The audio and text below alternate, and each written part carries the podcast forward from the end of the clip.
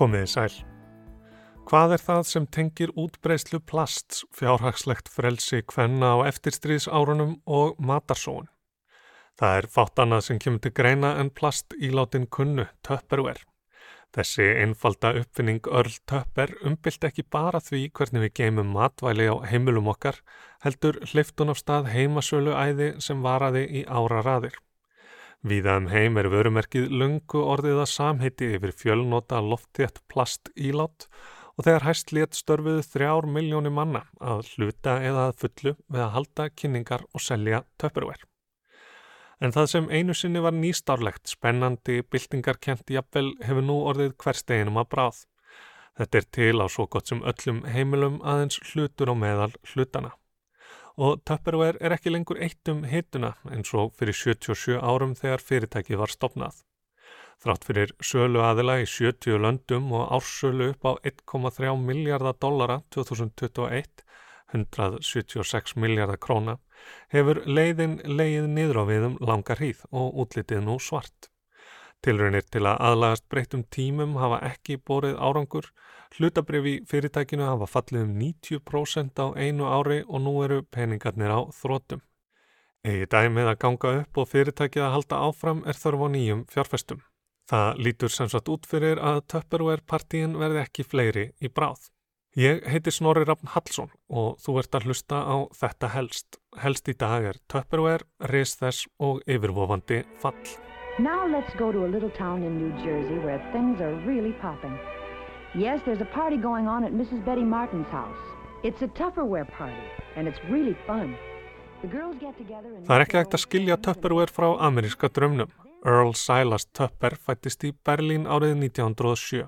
Nei, ekki þeirri Berlín, þessari með Brandenborgar hliðinu og öllu því, heldur Berlín í New Hampshire í Bandaríkanum. Fóreldra hans voru bændur og verkafólk og fluttust snemma til Massachusetts. Móður hans stóði þvott og sá um bændagistingu, fadur hans um rektina, án mikils árangurs eða metnaðar. Það fór reyndar í taugarnar á örlittla sem hafði óþrótandi drivkraft og ákvað snemma að hann skildi verða frægur uppfinningamæður og miljónamæringur. Tí ára gamall gekk hann að eigin frumkvæði milli húsa og seldi græmiti sem fjölskyldan rektaði. Hann var ekki mikill námsmaður, rétt skreiði gegnum mentaskólan en hann leta ekki stoppa sig. Vann fyrir fjölskylduna og fór í brefaskóla. Þar kynntist hann auglýsingamennsku og sá að þetta var framtíðin.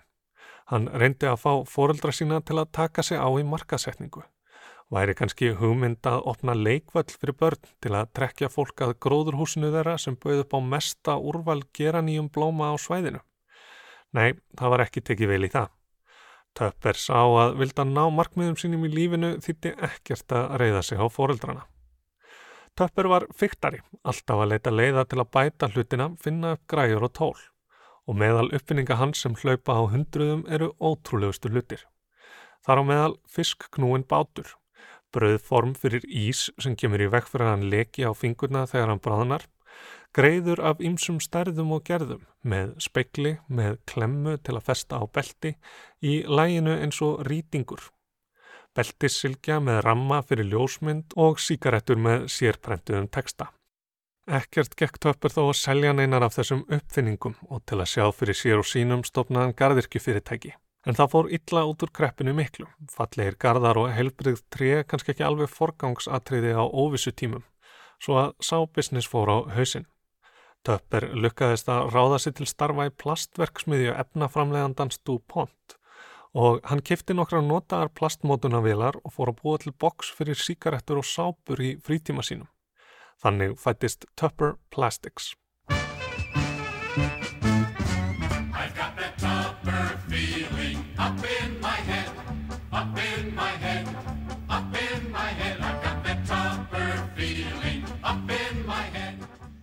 Polyetilín var mikilvæg plasttegund í setna stríðinu og leikur leiki hlutverki þessari sögu en það var meðal annars notað í ratsjárbúnað bandamanna.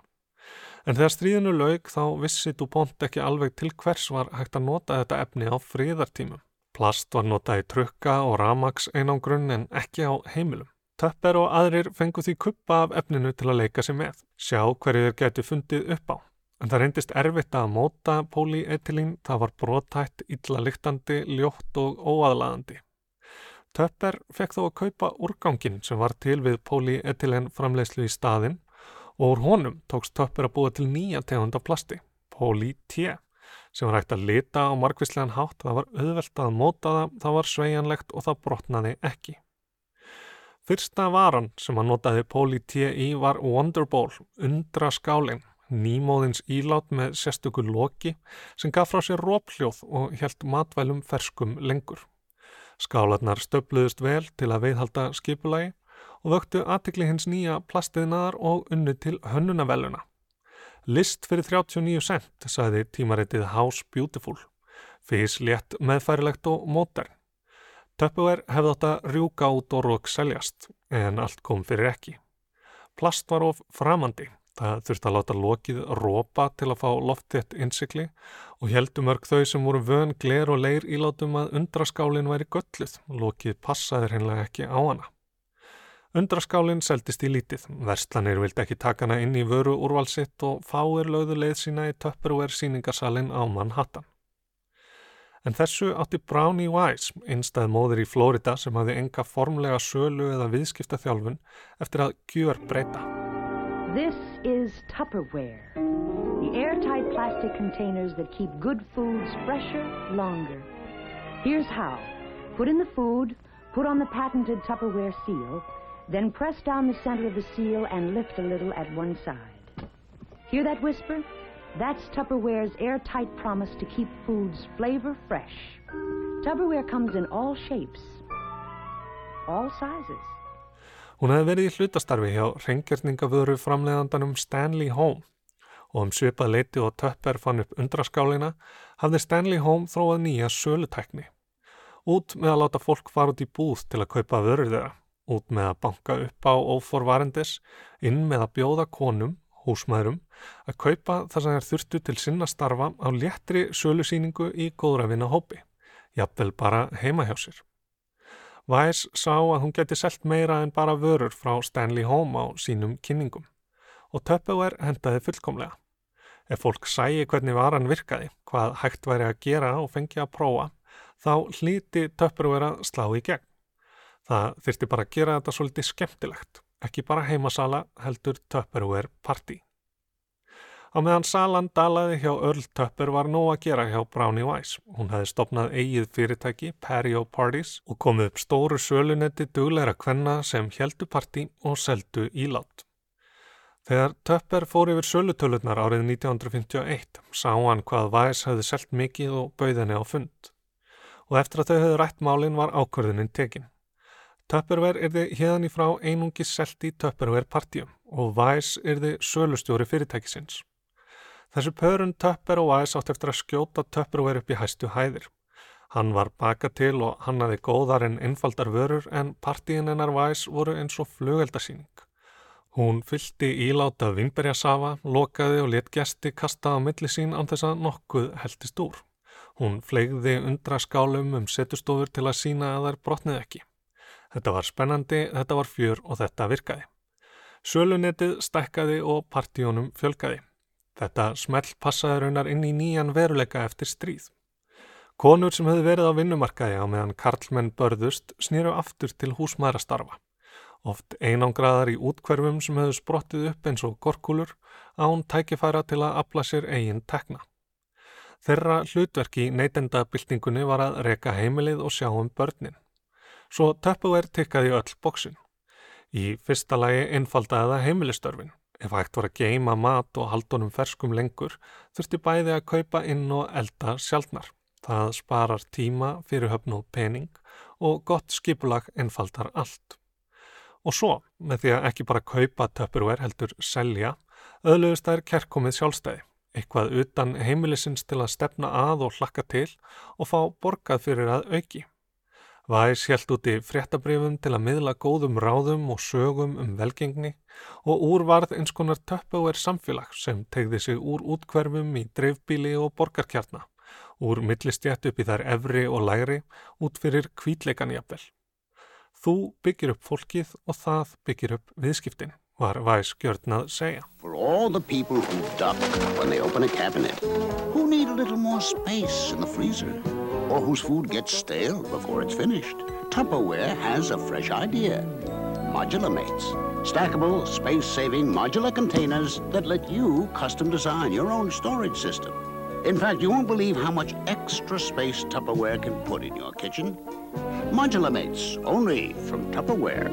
One fresh idea after another.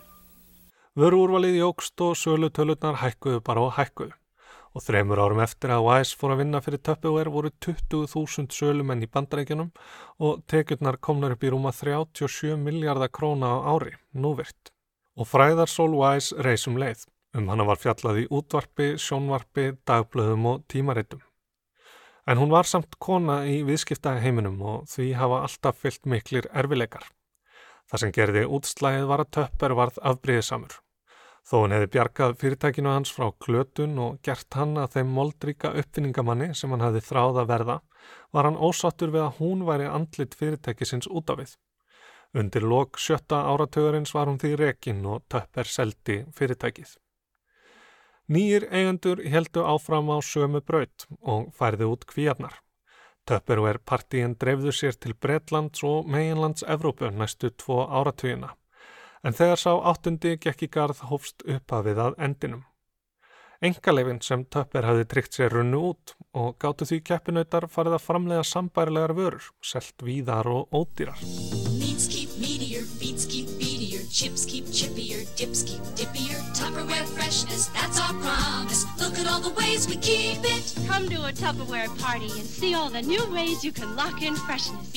Greens, cheese, teas, potato, tomato, salami, pastrami, jams keep jammier, hams keep hammier, cakes keep cakier, flakes keep flakier, Tupperware freshness, that's our promise. Look at all the ways we keep it. Í millitíðinni höfðu fleiri konur farið út á vinnumarkaðin og sá kjarni heimavinnandi húsmaðra sem Tupperware reytti sig á til að kaupa og selja vöru sínar fór því ört minkandi á meðan samkeppnin harnaði. Partíónum fækkaði og 1980 kefti matvörurísin Kraft fyrirtækið og þróaði vörulínu sem átti setja í örbulgjófn. Kraft kvatti sölu aðilana sem flestir voru nú komnir í fasta vinnu til að halda Tupperware party í hátdegislíðum á vinnustöðum. Sjarminn og tengingin sem Tupperware hafði búið yfir var farin og Kraft gerði Tupperware að sjálfstæðri einingu og setti á markað. Hægt og rólega hefur leiðin því leiðin niður á við þótt þrjár miljónir sölu aðila hafi verið á heimsvísu árið 2019. Ímislegt hefur verið reynd, til dæmis að selja töpperúer í vestlunum í fyrsta sinn í 70 ár, fara í samstarfi Target og önnur stórfyrirtæki og koma með nýja línu í nýjum litum sem höfða á til þúsaldar kynnslóðarinnar og seta kynnslóðarinnar með áherslu á minni matarsóun og umhverjusvænar umbúðir. En greinendur segja þessi viðbröð hafi komið fram of sent, allt of sent. Tíminn til að skiptum stefnu hefði átt að vera á nýjunda og tíunda áratögnum þegar heimasalan og Tupperware-partíin stöðmiðu. Innkoma internetsins hafði svo sitt að segja, sérstaklega þar sem Tupperware gekk út á félagsleg net sem hafa tekið miklum breytingum og svo hefur netverslunöðu þetta breytt neytendalandslæginu til muna. Vonar glæta var þegar heimsfaraldurinn skall á og fólk þurfti að elda meira heima hjá sér. 2020 var því nokkuð gott ár fyrir fyrirtækið. Hver hlutur á verðbregamarkaði fór á 35 dólara í november 2020, það hæsta í mörg, mörg ár. En ekki gekka viðhalda þessari uppsveiplu þegar hlutirnir fóru aftur í sama horf. Hlutar í fyrirtækinu eru nú metnir á réttrúman 1 bandaríkjadólara. Gjaldtróð þess blasir við þar sem tekjur dug ekki lengur fyrir kostnaði og því er mikill að fjárfestinga þörfi fyrirtæki sem einu sinni var framsækið og skapandi, jafnvel á undan sínum samtíma, en hefur ekki tekist að halda í við breyta tíma og höfða til nýra kynnslóða. Vörumerkið sjálft er þó enn einhvers virði með þess að tæpa 80 ára sögu á bakinu og því aldrei að vita nema Tupperware lifi áfram í breyttri mynd. Ég heiti Snorri Raffn Hallsson og þú varst að hlusta á þetta helst. Helst í dag var heið byltingakenda fyrirtæki Tupperware, reys þess og yfirvofandi fall.